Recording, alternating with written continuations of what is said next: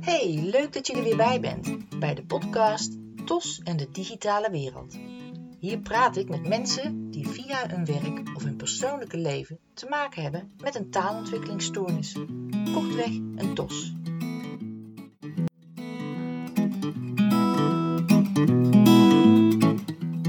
Mijn naam is Marita Teunissen van de website Digitaal Speciaal. En vandaag heb ik een gesprek met. Ik ben in gesprek met Anouk Middelkoop van ERP en zij is hogeschooldocent van Master Educational Needs bij de Fontis. En zij heeft een prachtig artikel geschreven over TOS en ASS, getiteld Een kwestie van tossen. En daar ga ik over in gesprek met haar. Goedemorgen Anouk. Goedemorgen Marita. Ja, we gaan vandaag in gesprek met jou uh, samen over jouw artikel Een kwestie van tossen. Uh, het vond, de, de titel vond ik al heel erg leuk, want ja, daar zit natuurlijk tossen in. En uh, ja, tossen, hè. Een beetje twijfelen van wat is het nu? En daar gaat het eigenlijk ook wel over. Hè? Van wat is nu de diagnose bij een leerling? Hoe stel je die? Wat zijn de verschillen tussen ASS en een taalontwikkelingsstoornis, TOS? Dus vandaar dat ik jou daarover wilde spreken. Nou ja, als eerste uh, zou ik willen vragen, kun jij een korte definitie geven van zowel TOS als van ASS, om de luisteraar alvast mee te nemen in de terminologie? Ja, zeker. Um, er is er sprake van TOS, taalontwikkelingsstoornis, als er forse problemen zijn op het gebied van taalproductie. Dus alles wat je zegt en laat, en laat horen en taalbegrip. Uh, dus de taal die binnenkomt, hè, begrijp je wat de ander zegt. Maar ook taalgebruik. Dus uh, kan je taal ook goed plaatsen in de sociale interactie. En um, de prevalentie is ongeveer 5 tot 7 procent. Dus nou, gemiddeld twee leerlingen in een, uh, in een klas kinderen. Of in een, ja, in een klas kinderen. En um, ja, je ziet eigenlijk bij TOS is het lijkt op zichzelf te staan. Zie je ook wel in de literatuur terug. Er is eigenlijk geen duidelijke oorzaak, bijvoorbeeld gehoorproblemen of een algehele ontwikkelingsachterstand. En uh, dat maakt het ook complex. Het lijkt alleen aan de taal te liggen. Maar taal kan je natuurlijk niet loszien van de rest. Maar dat is wel de formele uh, beschrijving. En bij ASS is het een ontwikkelingsstoornis, gekarakteriseerd door stoornissen in de sociale interactie. En dat kan zowel verbaal als non-verbaal zijn. Met een prevalentie van ongeveer 1%. Dus die groep is, uh, ja, is behoorlijk kleiner. Ja, beide zijn heterogene groepen. En complexe groepen ook. En bijvoorbeeld ook te denken aan hele, vele verschillende intelligentieniveaus bij leerlingen met ASS. Ja, nou ja, dat is op zich wel een hele mooie korte omschrijving. Daar gaan we natuurlijk uh, gaandeweg dit gesprek wat dieper op in. Uh, je hebt het al genoemd, prevalentie van TOS uh, en van ASS, die is best wel verschillend, hoewel er toch heel veel bekendheid is voor ASS ten opzichte van TOS. Ja, dat klopt. Ja, dat klopt inderdaad. Dat staat niet in verhouding. Nee. Als, je, als je kijkt hoe dat uh, voor het voetlicht komt en ook als ik merk waar mijn studenten uh, de vragen over stellen, waar ze onderzoek naar doen. Maar ook, ik kom zelf uit cluster 2 onderwijs voorheen, daar ligt ook mijn hart. Dus spraaktaal, gehoorproblematiek. ook daar was het, natuurlijk ging het over taalproblematiek. Maar ASS is iets wat, als je ook om je heen kijkt, veel meer voor het voetlicht wordt gebracht dan, dan TOS. Dus het is ook goed dat je dit doet, om dat juist te benadrukken. En die groep is dus ja, is beduidend groter. Ja, ja, ja. ja. Ja, wij kennen elkaar nog hè, van uh, het cluster 2 onderwijs, ja. uh, lang geleden. Ja. Uh, daar had je inderdaad best vaak een kind met ASS in de klas. Maar ja, het is zo, ASS, wat je al zegt, is een, is een probleem in de sociale interactie. En bij een leerling met een TOS hoeft de sociale interactie niet altijd evenredig aangedaan te zijn. Nee, klopt. Ja, ja, ja dat klopt. Oké. Er, er staat een mooie quote in jouw artikel. Zorgvuldige observatie van communicatiegedrag geeft zicht op wat voorliggend is, TOS of ASS. Kun jij dit toelichten? Jazeker. Um, als je, het gaat over, natuurlijk over taalproblematiek. En ehm, je kunt de analyse van de taalproblematiek starten. Hè? Dus dat je, wat gebeurt er nou op het gebied van wat zegt de leerling? Hoe zegt hij het? Hè? Wat is de verpakking? Um, klopt de inhoud daarvan? Zijn de zinnen correct? Maar je moet eigenlijk starten met veel breder te kijken. Voorliggend is het communicatiegedrag. Je kijkt breder naar een kind en dat doe je ook samen. Dat doe je niet alleen als leerkracht met ouders van een leerling, ehm, een IB'er, eventueel logopedisten. Op welke wijze communiceert het kind? Gaat hij de interactie aan? Is er sprake van sociale wederkerigheid? Uh, imitatie? Beleeft hij lol aan communicatie bijvoorbeeld ook? Um, is, is het intentioneel wat hij doet? Intentioneel ook naar de ander. En daar, als je wat breder gaat kijken, dus even afstand nemen van de taalontwikkeling, maar eerst de invalshoek communicatiegedrag belichten en kijken op welke manier de leerling dus ook communiceert. Uh, dat gaat eigenlijk, daar gaat eraan vooraf. Voordat je echt gaat kijken, wat zegt hij en hoe zegt hij dat? Eerst kijken naar het communicatiegedrag. Dus je zegt, bekijk echt die communicatie, dat hele gedrag, alles bij elkaar. Hoe, hoe communiceert een leerling naar zijn omgeving, maar ook hoe communiceert hij naar zichzelf, denk ik. Ja, ook daarbij. Kijk, je kunt niet niet communiceren, maar het is belangrijk om te kijken. Um, sociale wederkerigheid noemde jij net ook al, hè, en die interactie. En zeker ook bij jonge kinderen, hè, behoefte aan imitatie, lol van het heen en weer werken, van beurtgedrag. En nou jij, daarin, daar zie je al heel veel in het, in het gedrag. En daar zit ook het verschil tussen een leerling met TOS en ASS. Is dat bij een leerling met TOS is er eigenlijk sprake van een gewone sociale wederkerigheid daarin. Soms zelfs meer, want ze hebben je hart nodig. En ze zoeken dat ook op. En bij leerling met ASS is dat juist hetgene wat de aandacht verdient en wat anders verloopt ook. Ja, dus jij, uh, ik vertaal het dan gelijk naar de praktijk. Jij zegt vooral van, ga eerst eens heel goed observeren. Hoe communiceert dit kind? Ja, en dat kan, hoeft niet eens in taal te zijn. Het toewenden bijvoorbeeld naar iemand toe, uh, maar ook het oogcontact. Um, snappen dat een gesprek inderdaad heen en weer verloopt. Um, is de communicatie bedoeld om interactie aan te gaan? Of is het bijvoorbeeld alleen maar bedoeld om een behoefte te stillen? Honger, dorst bijvoorbeeld. Um, dat is al een verschil, ja. Ja, en, waar, en, en um, ja, daar gaan we zo meteen dieper op in van wat is dan bij TOS uh, te zien en wat is dan bij ASS ja. uh, te zien. Ja, um, ja, we lopen even de lijn van jouw artikel langs. In jouw artikel, uh, wat ik ook op de website in een later moment, zodra deze podcast online komt, hoort er ook een blog bij. En dan zal ik ook jouw artikel daarbij, uh, een, link, een link naar jouw artikel daarbij zetten. Het artikel loopt uh, langs uh, drie taaldomeinen: hè? taalproductie, taalbegrip en taalgebruik. En voor alle drie die taaldomeinen heb jij de verschillen tussen ASS en TOS proberen te duiden. Nou, we beginnen met taalproductie, hoe een leerling zich uitdrukt, noem je ook. En dan, ehm, ja, dan staat er dan staat er een heel uh, mooi stuk. En daar, ja, wat zijn dan de verschillen tussen TOS en ASS als je kijkt naar hoe een leerling zich uitdrukt? Dus uh, ja, de taalproductie, zeg maar. Ja, de taalproductie inderdaad. Um, ik heb het ook weergegeven in het schema, ook wel uitgewerkt wat je zegt in het, uh, in het artikel. Dus bij TOS valt op dat kinderen soms moeilijk verstaanbaar zijn. Um, er is vaak uh, sprake van woordvindingsproblematiek.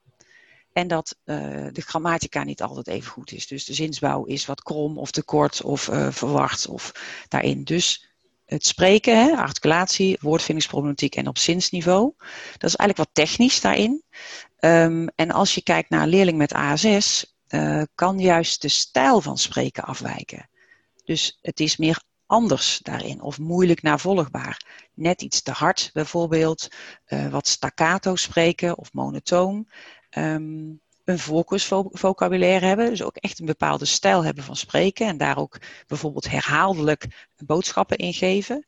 Dus repetitief karakter ook erin. En bijvoorbeeld echolalie, dus het meteen herhalen van een vraag of het meteen herhalen van een geluid. En dat kan meteen, dat kan ook een dag later zijn, dus uitgestelde echolalie.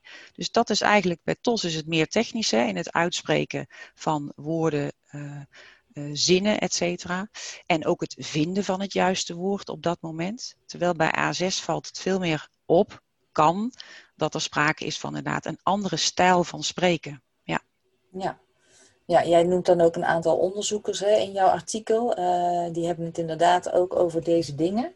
Ja. En uh, die hebben het ook over de wisseling van perspectief en de gebrekkige centrale coherentie. Kun je dat uitleggen uh, met eventueel een voorbeeld erbij? Ja, zeker.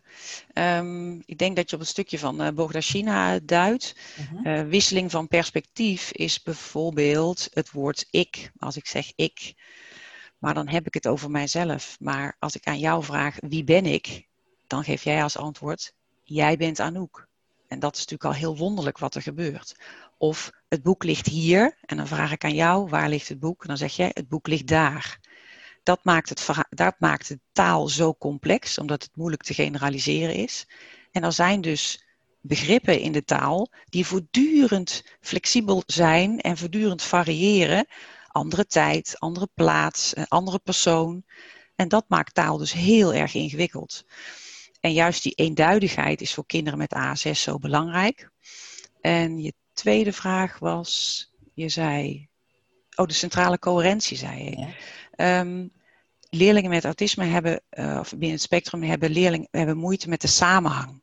Dus die hebben moeite met uh, het bos te zien. Wij, zij zien de bomen en wij zien het bos. Um, het gaat vaak om losse details daarin, waarmee ze moeite hebben om dat allemaal bij elkaar op te tellen. Dus dat verklaart ook waarom ze moeite hebben om bijvoorbeeld snel in te, in te schatten wat een sociale situatie is. Je hebt bij een bushalte, als je bij een bushalte staat, heb je een heel ander gesprek dan dat je met je beste vriendin op de bank zit. Dus taal beweegt voortdurend mee daarin en dat vraagt van je dat je alle details in de sociale context ook nog snel bij elkaar op kan tellen en snapt wat je wel zegt, wat je niet zegt, wat is gepast, wat is ongepast. En dat is ongelooflijk complex is dat. En centrale coherentie is datgene dat je in, snel, dat je in no time eigenlijk de details bij elkaar op kan tellen en begrijpen wat er aan de hand is. Of wat er aan vooraf is gegaan en wat mogelijk daarna gaat gebeuren. Dus ook een stukje verbeelding. En dat is voor leerlingen met A6 is heel erg complex. Ja. ja. Maar ja, als ik dat zo hoor, hè, dan denk ik dan gelijk ook bij van ja, maar dat zie je ook gedeeltelijk wel terug bij een leerling met een TOS. Want ook daar, die vinden het lastig om te denken van ja, wat weet mijn uh, luisteraar al wel? Uh, hoe, hoe moet ik uh, dit vertellen? ja, die samenhang. Maar je zegt, die is voor een tosser ook lastig. Maar je zegt bij A6 is dat echt een van de grootste problemen. Ja, wat de overlap is hierbij, misschien loop ik op taalbegrip nu een beetje vooruit, Marita. Ja. Wat uh, bij beide uh, speelt, ook vanuit het cognitieve profiel, is de innerlijke taal. Ze hebben beide moeite met de innerlijke taal. En innerlijke taal stuurt ook het benoemen van emotie, uh, je planning, uh, je, het, oplossingen bedenken bijvoorbeeld daarin. En dus ook het aansturen van hoe reageer ik nou op de juiste manier. En als je kijkt naar de productie, zie je bij leerlingen met, en ook taalgebruik, zie je bij leerlingen met TOS gewoon moeite hebben met de juiste woorden oproepen, maar ook problemen met de auditieve verwerking. Wat gebeurt hier? Wat wordt er van mij gevraagd? En hoe reageer ik nu adequaat? Daar zijn ook problemen met de innerlijke taal. En bij leerlingen met ASS heeft het meer te maken met centrale coherentie. Maar ook, loop ik er weer, weer ook een stukje op vooruit, is die theory of mind. Begrijpen, wat, hoe is dit voor de ander?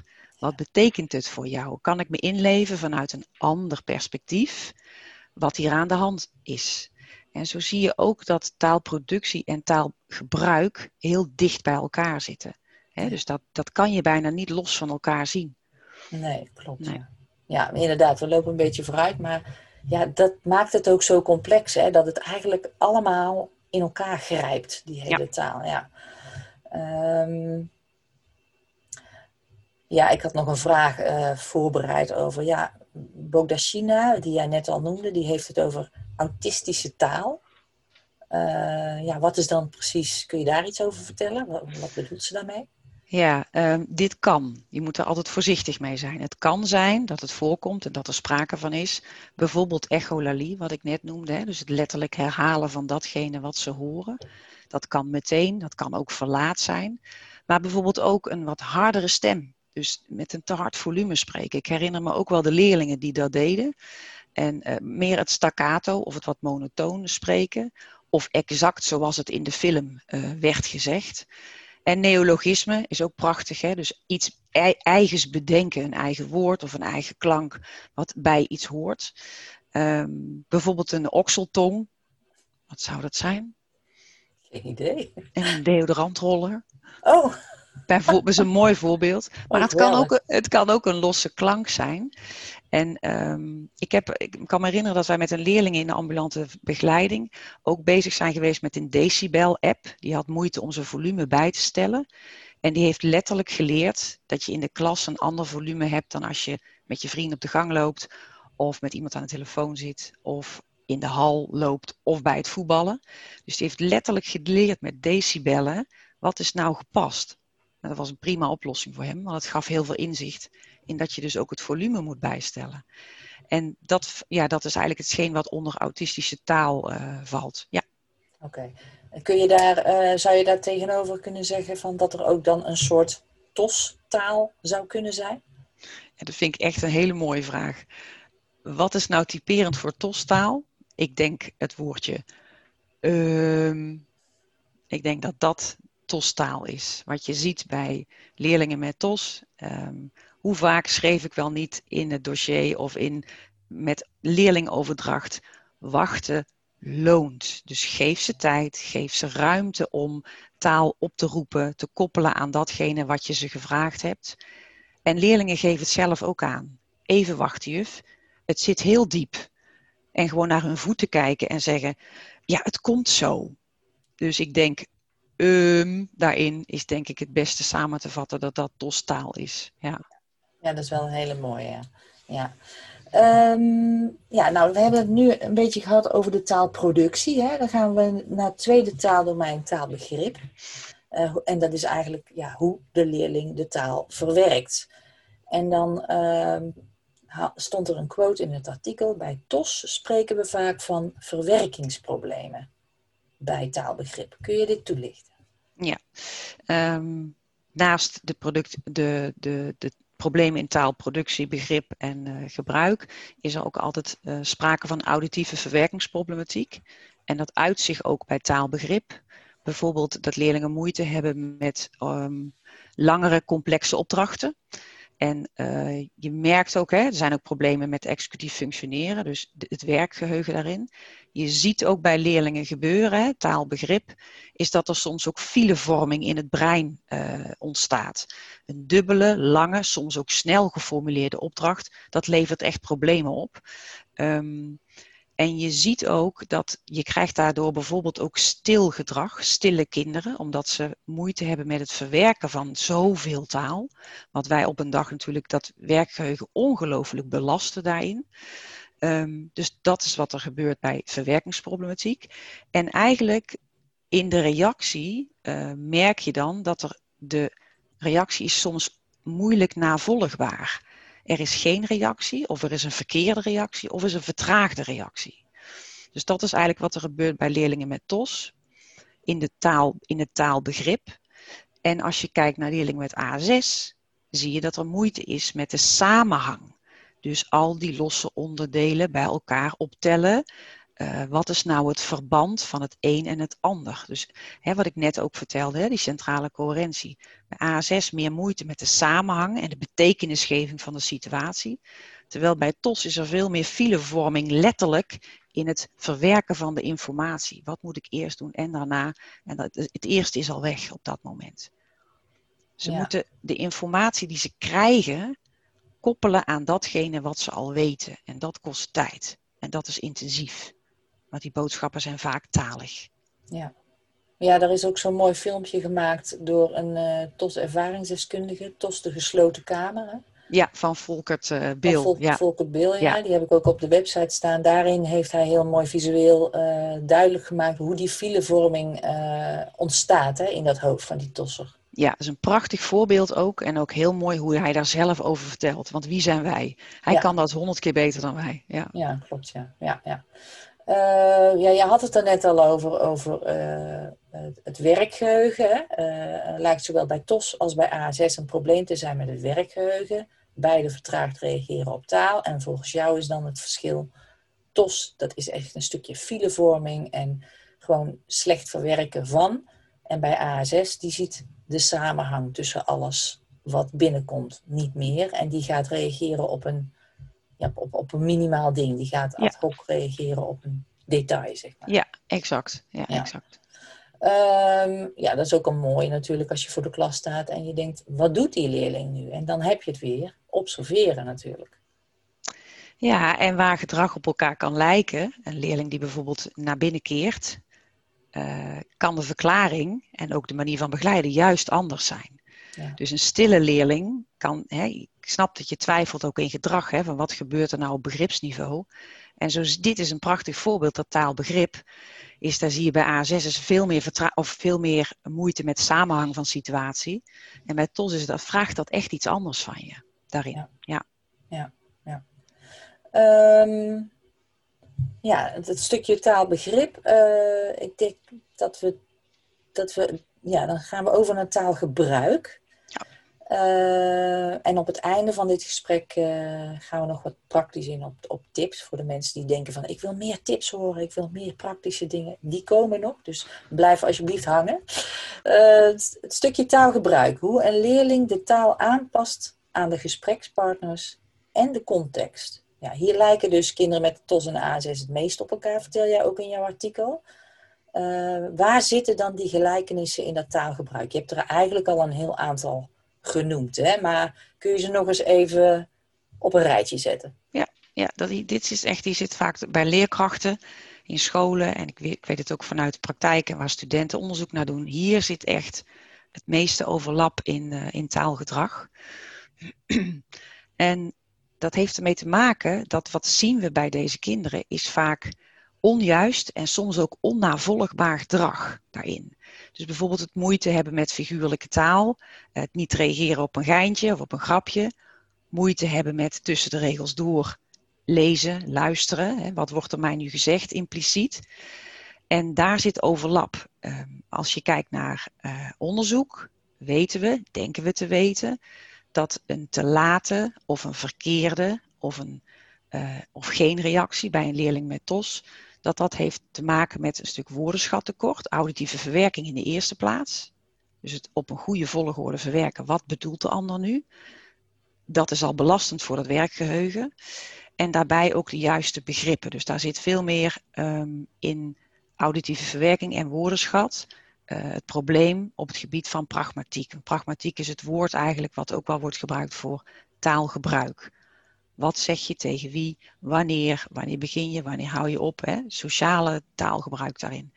Um, en je ziet bij leerlingen met A6 daarbij, komt weer wat ik ook vertelde over die centrale coherentie en ook die theory of mind, kunnen bedenken wat de ander zou bedoelen wat is het volgende wat er zou kunnen gebeuren? Het is verbeelding, wat je je voor moet stellen. En ook figuurlijke taal of um, een impliciete betekenis niet pakken daarin, omdat ze, wat jij net ook zo mooi zei, die kleine details wel oppakken, maar de samenhang uh, missen daarin. Het mooie is wel dat we uit onderzoek weten dat bijvoorbeeld leerlingen met A6 minder moeite hebben met gewoon het navertellen van een verhaal. Dus met een kop, midden en eind en de staart. En dat we weten dat leerlingen met TOS daar wel in opvallen. Dus het navertellen van een verhaal. Terwijl een leerling met A6 kan soms exact navertellen wat er gezegd is. Tot in de details en exact de juiste volgorde. Dus het gedrag hierin kan zeker op elkaar lijken onnavolgbaar of uitblijven van een reactie. En dat is wel de, de verklaring daarvoor, daar zit wel nuance in. Ja, ja. Um, ja, en daar zitten dan denk ik uh, die, die misdiagnoses. Hè? Dat, dat, uh, dat je hoort in de klasse van, uh, oh volgens mij is het een A6. Of dat wordt ook heel vaak eerder genoemd dan een TOS. Ja. Ondanks de prevalentiecijfers. Ja, wonderlijk is dat toch. Ja. ja. En uh, ja, dus jij zegt van dat is eigenlijk die, dat taalgebruik. dat is eigenlijk wel misschien wel een van de grootste redenen voor een misdiagnose. Ja, dat, dat weet ik zo niet. Je zou het kunnen opmaken uit het artikel en ook zoals ik het nu vertel, kan. Daar zou je mooi onderzoek naar kunnen doen. Hè, van uh, hoe komt dat nou, hè, die misdiagnose? Uh, bijvoorbeeld op het gebied van TOS en meertaligheid zit ook weer een overdiagnose. Hè, dus dat is interessant om daar eens naar te kijken. En zeker wat jij nu benoemt, gezien de prevalentie. Kijk, de problematiek is complex. Het zijn beide heterogene groepen. Um, dus je kunt niet zeggen, dit is een tosser en dit is een ASS'er. Sowieso niet, ben ik daar geen, niet zo fan van. Dus het is moeilijk te zeggen. Er zijn verschillende aspecten, denk ik, die meespelen. Ook in het uh, te snel kaderen of te snel benoemen wat, waar het op lijkt daarin. Je moet daar voorzichtig in zijn, in dat labelen. En dat heeft ook wat te maken met heb je samen kunnen kijken? Heb je vanuit verschillende perspectieven met ouders, een logopedist, een IB'er, je duopartner, je klasassistent. In hoeverre kan je samen kijken naar hoe, hoe de leerling zich beweegt en hoe die dus in eerste instantie communicatie aangaat, hoe die dat doet. Um, kijk, bij beide groepen zijn er problemen in de taalontwikkeling. Ik hoop dat het artikel en misschien ook dit verhaal bij kan dragen in het meer breder kijken, starten bij communicatiegedrag, maar ook een, een nauwere analyse op taalgedrag. Wat gebeurt er nou in de productie? Wat zegt hij en wanneer doet hij dat? Uh, hoe zit het met zijn woordvinding? En ook daaromheen, hoe speelt hij? Hoe gaat die interactie aan? Zingt hij de liedjes mee? Uh, snapt hij als er een dubbele opdracht is? Uh, dus het is breed kijken, maar ondertussen ook, je zou bijna zeggen, en met de verrekijker, maar ook met de loop. Dus goed kijken van een afstand, maar ook dichtbij naar details kijken. Ja, dat is mooi. Dat is een mooie metafoor, die verrekijker die loop. Nou ja, een leerling verdient, verdient ook die bredere blik en het gesprek daarover. Iedere leerling heeft zijn eigen verhaal, uh, dus altijd weer opnieuw kijken. Ja. ja. Want een, een misdiagnose kan wel een flinke uh, ja, een gevolg hebben voor de omgeving, maar ook voor de begeleiding van het kind. Want Zeker, ja. Ik, krijg zelf ook wel eens uh, DM'tjes via Instagram of wat dan ook, van ouders die zeggen van ja, maar nu ga ik heel erg twijfelen nu ik jouw artikel heb gelezen. Is het dan misschien toch niet een TOS? Iedereen ja. zegt dat het ASS is. Want het heeft best wel gevolgen. Zeker. Ja, daar moet je, ook, moet je mee opletten ook. En uh, je kunt gedrag benoemen, maar um, je moet voorzichtig zijn met een diagnose daarin. En ik hoop, het is ook expertise, het is ook ervaring, het is ook multidisciplinair samenwerken daarin, is om te bespreken wat zie je en voortdurend blijven kijken. Iedere leerling heeft weer een eigen verhaal. Intensief volgen daarvan. In gesprek blijven daarover. Dat is, dat is echt van belang. En ben goed op de hoogte van ook actuele ontwikkelingen. We weten de afgelopen jaren zoveel meer over de executieve functies. Zoveel meer over werkgeheugen. Wat we niet weten is altijd groter. Hè? Dat weten we. Dus dat is, dat is, dat is ook belangrijk om te zeggen. Ja. Um, maar um, de ontwikkelingen gaan ook heel erg hard. Als je kijkt wat er de laatste jaren ook over TOS is gepubliceerd, welke onderzoeken er zijn gedaan, zorg dat je op de hoogte blijft. Nou goed, dat is fijn, want ik mag dat altijd met mijn studenten en in de scholen brengen daarin. En dan vervolgens ook de slag naar de klas van en wat doen we dan? En ik zit even te denken, het is ook van belang, um, je kunt het erover hebben, is het TOS of AS, hè? dus daar zitten tossen. Maar je moet vooral nadenken over de verklaring, mogelijke verklaring, waarom het kind zich op deze manier beweegt. En waarom die op deze manier zich laat, van zich laat horen. En dan uh, moet je ook wel afwegen, wat heeft deze leerling nou nodig? Gaan we visualiseren omdat het kind moeite heeft met de begrippen op te roepen? Of gaan we visualiseren omdat de leerling moeilijk betekenis kan geven aan datgene wat, ze, wat we gaan doen? Dus dat is veel meer bij A6 echt het betekenisniveau opzoeken. Doen we dat met een foto? Doen we dat met een pictogram? Doen we dat geschreven? Uh, doen we dat met een signaal? Dat zijn allemaal verschillende niveau, niveaus waar je over na moet denken bij een leerling met ASS, omdat het betekenisniveau heel verschillend kan zijn. Maar een leerling met TOS, die heeft juist behoefte aan, wat is het? Hoe heet het? En het liefst ook nog een synoniem, want die heb ik nodig om bijvoorbeeld te kunnen omschrijven als ik niet op een woord kan komen. Dus je visualiseert bij beide, maar de behoefte van het kind ligt wel ergens anders. Ik denk bijvoorbeeld ook aan DGM, denkstimulerende gespreksmethodiek. Is voor een TOS-leerling is dat echt om te trainen, hè, die denkstimulering daarin, van concreet naar abstract.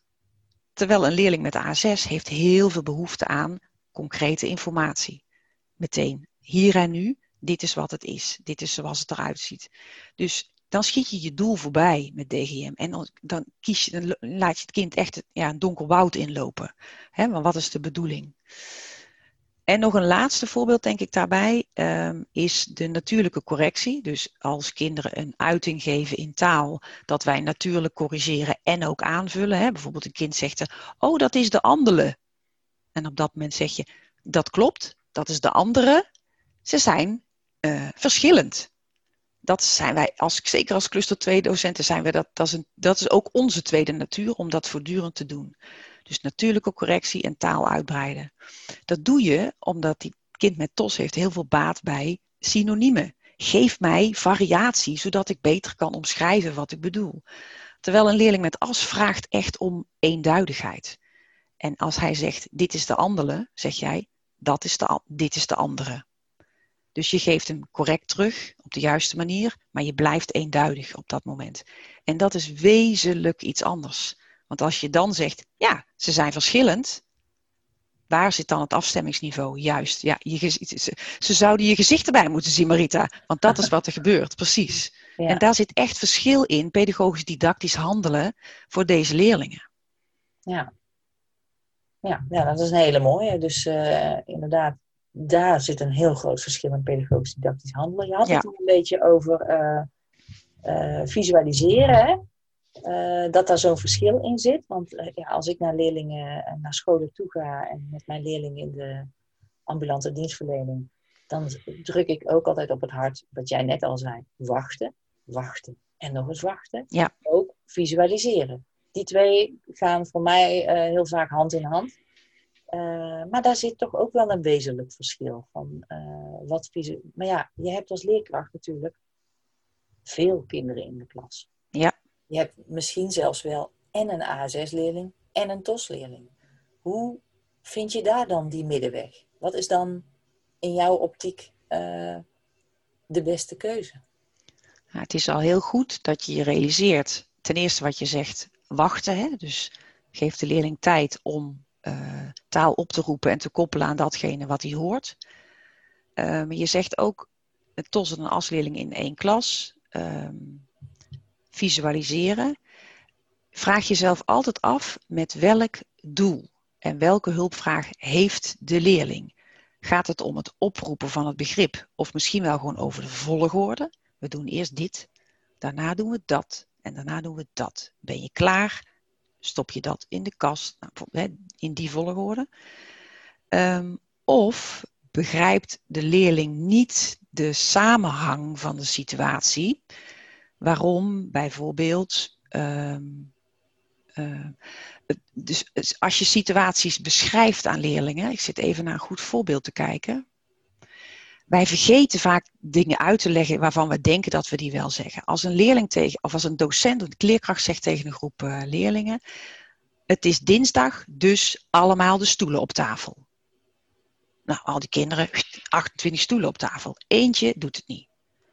En dan begin je het uit te leggen. Het is dinsdag, dus de stoel moet op tafel. Het is drie uur, kom, stoel op tafel.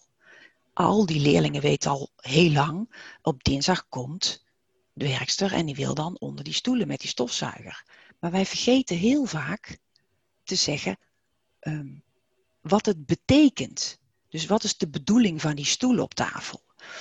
En dat is het belangrijk bij het visualiseren. Um, Snapt u het voorbeeld? Heb ja, ik, snap, het, ja, ik, ik snap het voorbeeld. Ja. Ik, ik, zit even te denken, heb ik het nou volledig verteld? Um, dat gaat, het visualiseren moet um, invulling geven, moet betekenis geven volledig aan de situatie.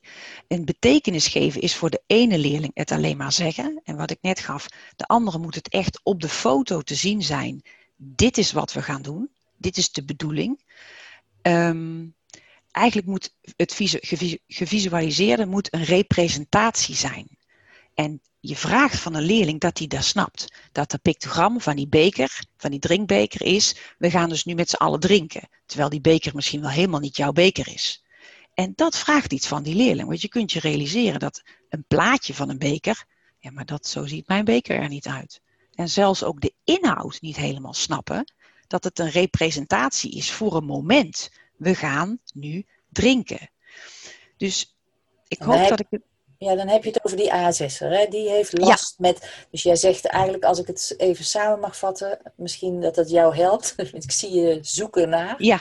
ja. Ehm, jij zegt het visualiseren bij een ASS'er, dan richt je je echt op dat gebrek aan coherentie. Het gebrek van samenhang van waarom gebeuren er dingen, want zometeen komt de werkster of we gaan drinken en dat is uh, met een beker, maar dat kan ook jouw beker zijn. Dus ja. die, ASS'er zou bewijzen van een foto van zijn eigen beker ja, moeten hebben. En die tosser heeft voldoende aan een beker. Want die, die, die, als je daar de koppeling maakt, drinken en een, een beker en drinken, dan is dat voldoende voor die tosser. Maar die ASS'er heeft echt die foto nodig. Ja, je moet rekening houden met het betekenisniveau bij de leerling met ASS, maar planning is voor hem of haar ook belangrijk. Dus bij planning is bij allebei, omdat planning is innerlijke taal. Is eerst dit, dan dat. Hè? Inhibitie ook, beginnen, stoppen, etc. Oplossingen bedenken. Dus dat werkgeheugen en die planning is voor beide leerlingen belangrijk. Alleen het betekenisniveau is bij leerlingen met A6 het meest belangrijk. Snap je, snap je nu wat dit representeert? En bij een leerling met TOS is het veel meer op het wat-niveau. Dus is het meer technisch daarin.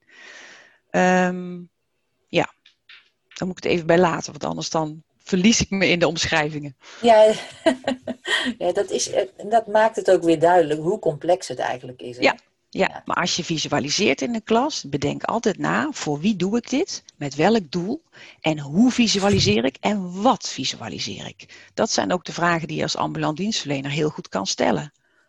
Ja, ja.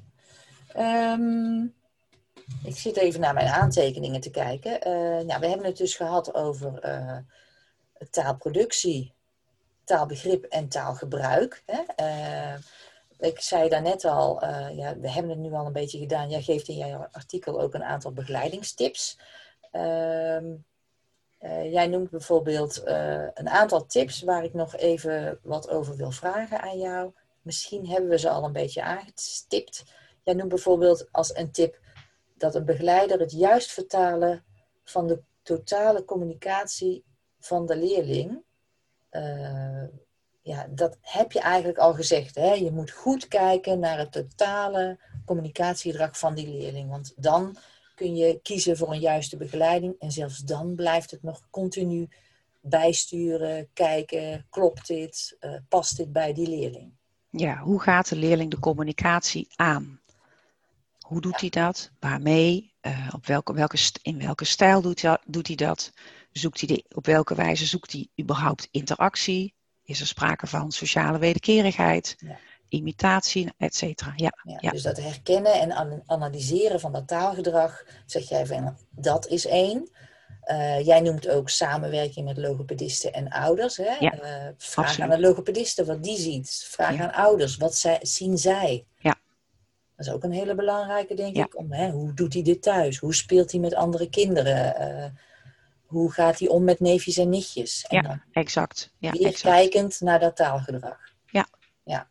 Uh, jij noemt ook, uh, ben alert op het terugtrekkend gedrag van leerling uit die communicatie. Want mm -hmm. ja, van Tossels is bekend dat het kan internaliseren zowel als externaliseren. Dus hè, in, uh, terugtrekken in jezelf of juist heel boos worden. Ja. Maar dat zien we ook bij beide. Absoluut. Ja. Alleen, heb jij daar nog uh, tips voor van waar je dan, uh, of zeg je van ja, dat zie je bij beide, je moet gewoon blijvend naar de rest kijken? Ja, het, je noemt het, het taal is gedrag.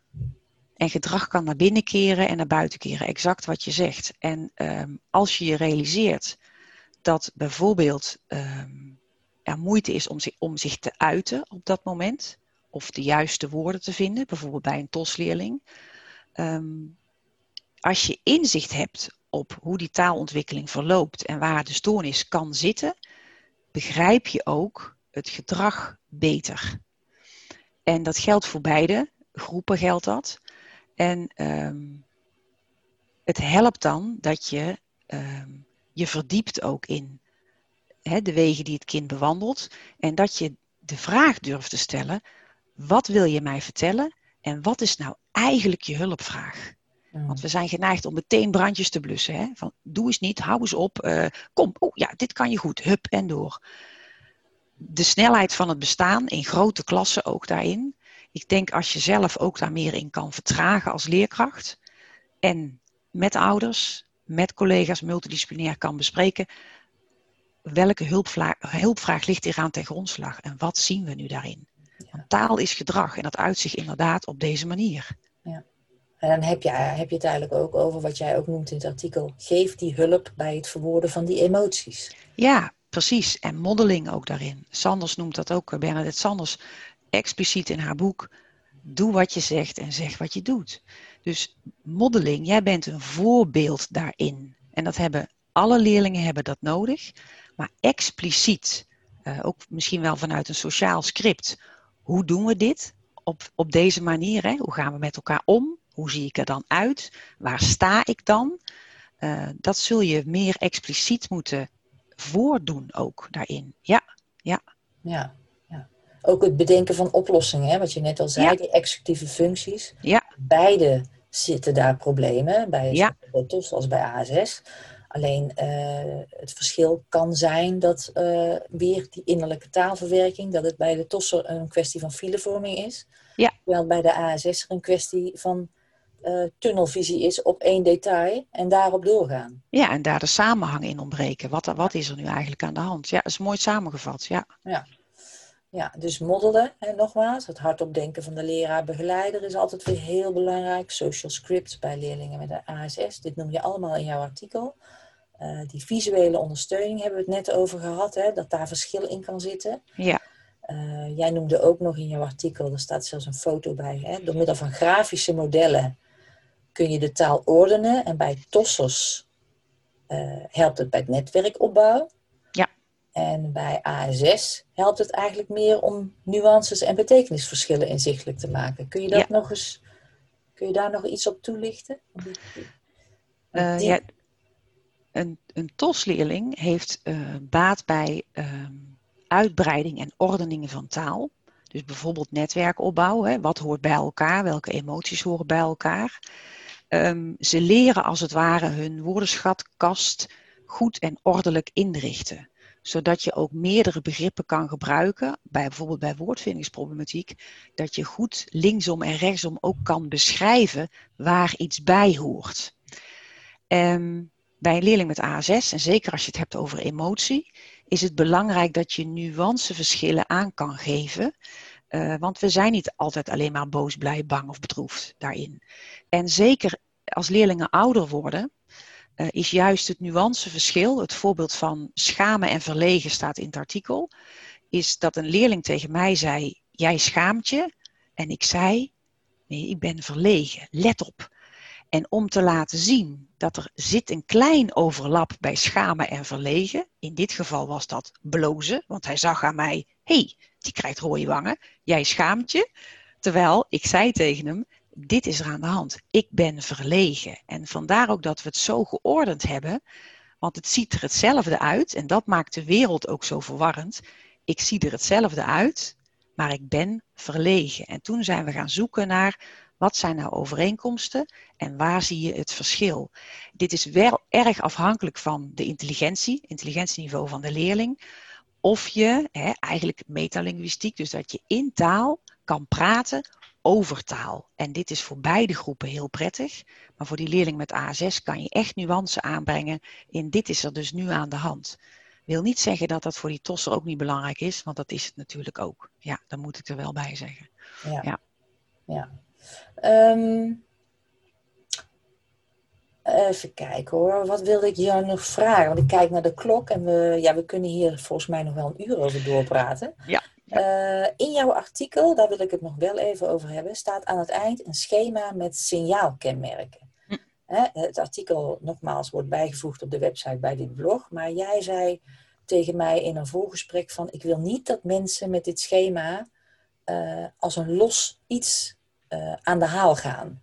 Ben daar voorzichtig mee. Ja. Uh, hè, ja, er staat ook bij de groepen, er is sprake van heterogeniteit. Hè, er zijn heel veel verschillen. Maar waarom heb jij dat zo expliciet ook aan mij genoemd van ben daar voorzichtig mee?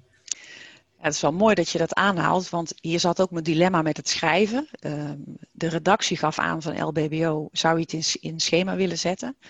En ik heb dat in eerste instantie niet gedaan, want uh, schema's zijn vluchtig. En je moet echt zorgvuldig te werk gaan als je ehm, nou ja, richting diagnose of in ieder geval richting vermoeden gaat in het denken. En een schema zijn letterlijk hokjes waar je dingen in stopt. En daar zit juist mijn uh, oproep naar wees zorgvuldig. Dus uh, in eerste instantie wilde ik het niet doen. En daarna zei uh, de redactie, probeer het toch maar eens wel te doen. Kijken wat het oplevert. Het heeft heel veel opgeleverd, want het geeft gelukkig, ik hoor het ook van scholen, ik hoor het ook van mijn studenten terug. Het geeft heel veel inzicht. Dus wat ik tegen jou zei, Marita, is vooral uh, interpreteer het niet geïsoleerd. Dus het, ik vind het, zou het heel erg vinden als het los op de kopiëren machine belandt. Kijk, we hebben nu een schema. Dat is niet de manier waarop wij met onze leerlingen omgaan. Dus ben daar voorzichtig mee. En alles wat daarin staat is verantwoord in de tekst. Dus ik vind dat de verantwoording daar echt bij moet staan. Um, ja, goed, om dat, uh, om dat allemaal te interpreteren. Dus laat het een hulpmiddel zijn daarin. Ja, maar gebruik het samen en weet waar het vandaan komt. Ja, ja want het, het, uh, het is nu een, het is een heel mooi overzichtelijk schema inderdaad. Ik hoor nu, ik zie nu bijna de luisteraar al denken, oeh, schema, schema, dat moet ik hebben. Ja, ja. nou, dan nogmaals de oproep, download dit hele artikel en luister dit hele gesprek voor meer duiding. Ja, absoluut. Ja. Um, als laatste vraag ik altijd aan mijn uh, sprekers van, nou ja, heb je een laatste tip voor een professional? Heb je een laatste tip voor ouder? Uh, heb je nog iets anders? Nou, als eerste een laatste tip voor de professional die luistert. En die denkt, hey, ik heb een leerling in de klas. Wat is dit nou? Is dit, uh, er is iets met die leerling en die kan de vinger er niet op krijgen. Dus... Ja, voor professionals is, ik denk dat je er bij stil moet staan, dat is ook vooral je pedagogische sensitiviteit, is um, ieder kind heeft weer een nieuw verhaal. Dus je kunt honderd schema's maken. Uh, probeer iedere keer opnieuw te kijken. En voordat je als taalontwikkeling opvalt en voordat je daar mogelijk uh, in gaat analyseren, informeel, formeel, hè, wat daar aan de hand is, probeer ook wat ik net ook aangaf. Je hebt verrekijkers, je hebt loops op verschillende manieren, in verschillende afstanden. Samen naar die leerling te kijken. En die leerling is niet die leerling die je vorig jaar had, die ook TOS had. Die leerling heeft weer een nieuw verhaal. Dus zorgvuldigheid, zorg dat je kennis uh, op orde is ook, hè, uh, recente actuele onderzoeken, maar ook doe het samen en betrek ouders daarbij. Dat is echt van belang. Ja. En tips voor ouders is eigenlijk um, jullie kennen het kind het allerbeste. Dus zorg ook dat je tijdig je zorg benoemt naar school. Wat zie je? Wat valt je op? En het liefst zonder schroom, maar benoem gewoon: is, zie jij dit ook? Of zie ik dit op een andere manier? Tijdig is echt van een heel groot belang, want taalontwikkeling is Um, hè, bij TOS zeggen we lijkt op zichzelf te staan, maar taalontwikkeling is van grote invloed op sociale en leerontwikkeling. Dus het is eigenlijk alles daarin. Dus tijdig signaleren, bespreek het ook, uh, wat je ziet. En help elkaar dan ook, hè, professional ouder, in het snappen van taal is gedrag en gedrag is taal. Taal is denken, is ook aansturen van emotie. Dus alles heeft ook met elkaar te maken daarin. Ja weet niet of dat heel uh, concreet is daarin. Ja. Nee, maar het is in ieder geval wel een heel duidelijke oproep van kijk naar het hele kind. Ieder kind is weer uniek. Ja. En ga goed kijken van hoe, zit, hoe uh, beweegt het hele kind. En Juist. Niet, en niet één detail. En dat hele kind is communicatiegedrag. Hoe doe je dat? Hoe sta je in de wereld? Hoe communiceer je? Uh, verwacht je iets terug? Is jouw intentie gericht naar de ander? Ja of nee? Ja. ja. Um, zijn er tot slot nog andere tips, checklists, websites, boeken die je kunt aanbevelen? Want je zegt ook van, hè, zorg dat je kennis up-to-date ja, is. Ja, ja. Um, ik, de, de, sites van bijvoorbeeld uh, Kentalis, Auris, uh, Viertaal, Vitus Zuid, ook Cimea, zijn goed op orde. Daar is ongelooflijk veel materiaal te vinden. Zijn ook allemaal actief op LinkedIn. Uh, dus daar vind je ook mooi materiaal en ook om te lezen. Wat is TOS, wat is ASS? deze zijn trouwens echt gericht op TOS, die ik, realiseer ik me, die ik nu noem. maar bijvoorbeeld voor autisme autisme-participate.be. Dat is een Vlaamse uh, uh, website. Die is ook heel praktisch, veel beeldmateriaal. Internationaal, um, TOS heette Eer werd SLI genoemd, Specific Language Impairment, inmiddels DLD, Developmental Language Disorder. En Dorothy Bishop, dus echt een, een, een, zwaargewicht zeg maar, op het gebied van onderzoek doen, internationaal onderzoek. En Conti Ramsden, maar Dorothy Bishop is echt de grondlegger ook van Raising Awareness, dus R-A-D-L-D. Als je daarop googelt, R-A-D-L-D, Raising Awareness Developmental Language Disorder, die heb, dat zijn van fantastische filmpjes. Leerlingen zelf, uh, ouders, docenten, die gewoon hardop nadenken. En wat betekent TOS nu voor mij in de klas? Voor mij als leerling, voor jou als leer leerkracht, de onmacht bij ouders. Dat is echt heel mooi beeldmateriaal.